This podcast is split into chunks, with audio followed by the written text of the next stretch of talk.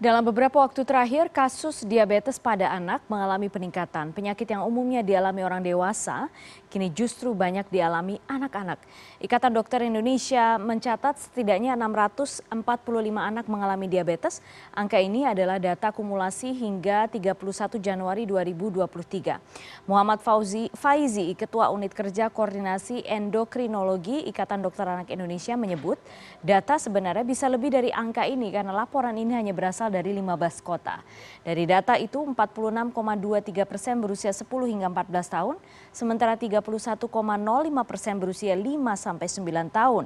Setidaknya 19 persen pasien bahkan berusia 0 hingga 4 tahun. Pasien diabetes anak didominasi anak perempuan. Menurut IDAI, kasus diabetes pada anak meningkat hingga 70 kali lipat sejak tahun 2010.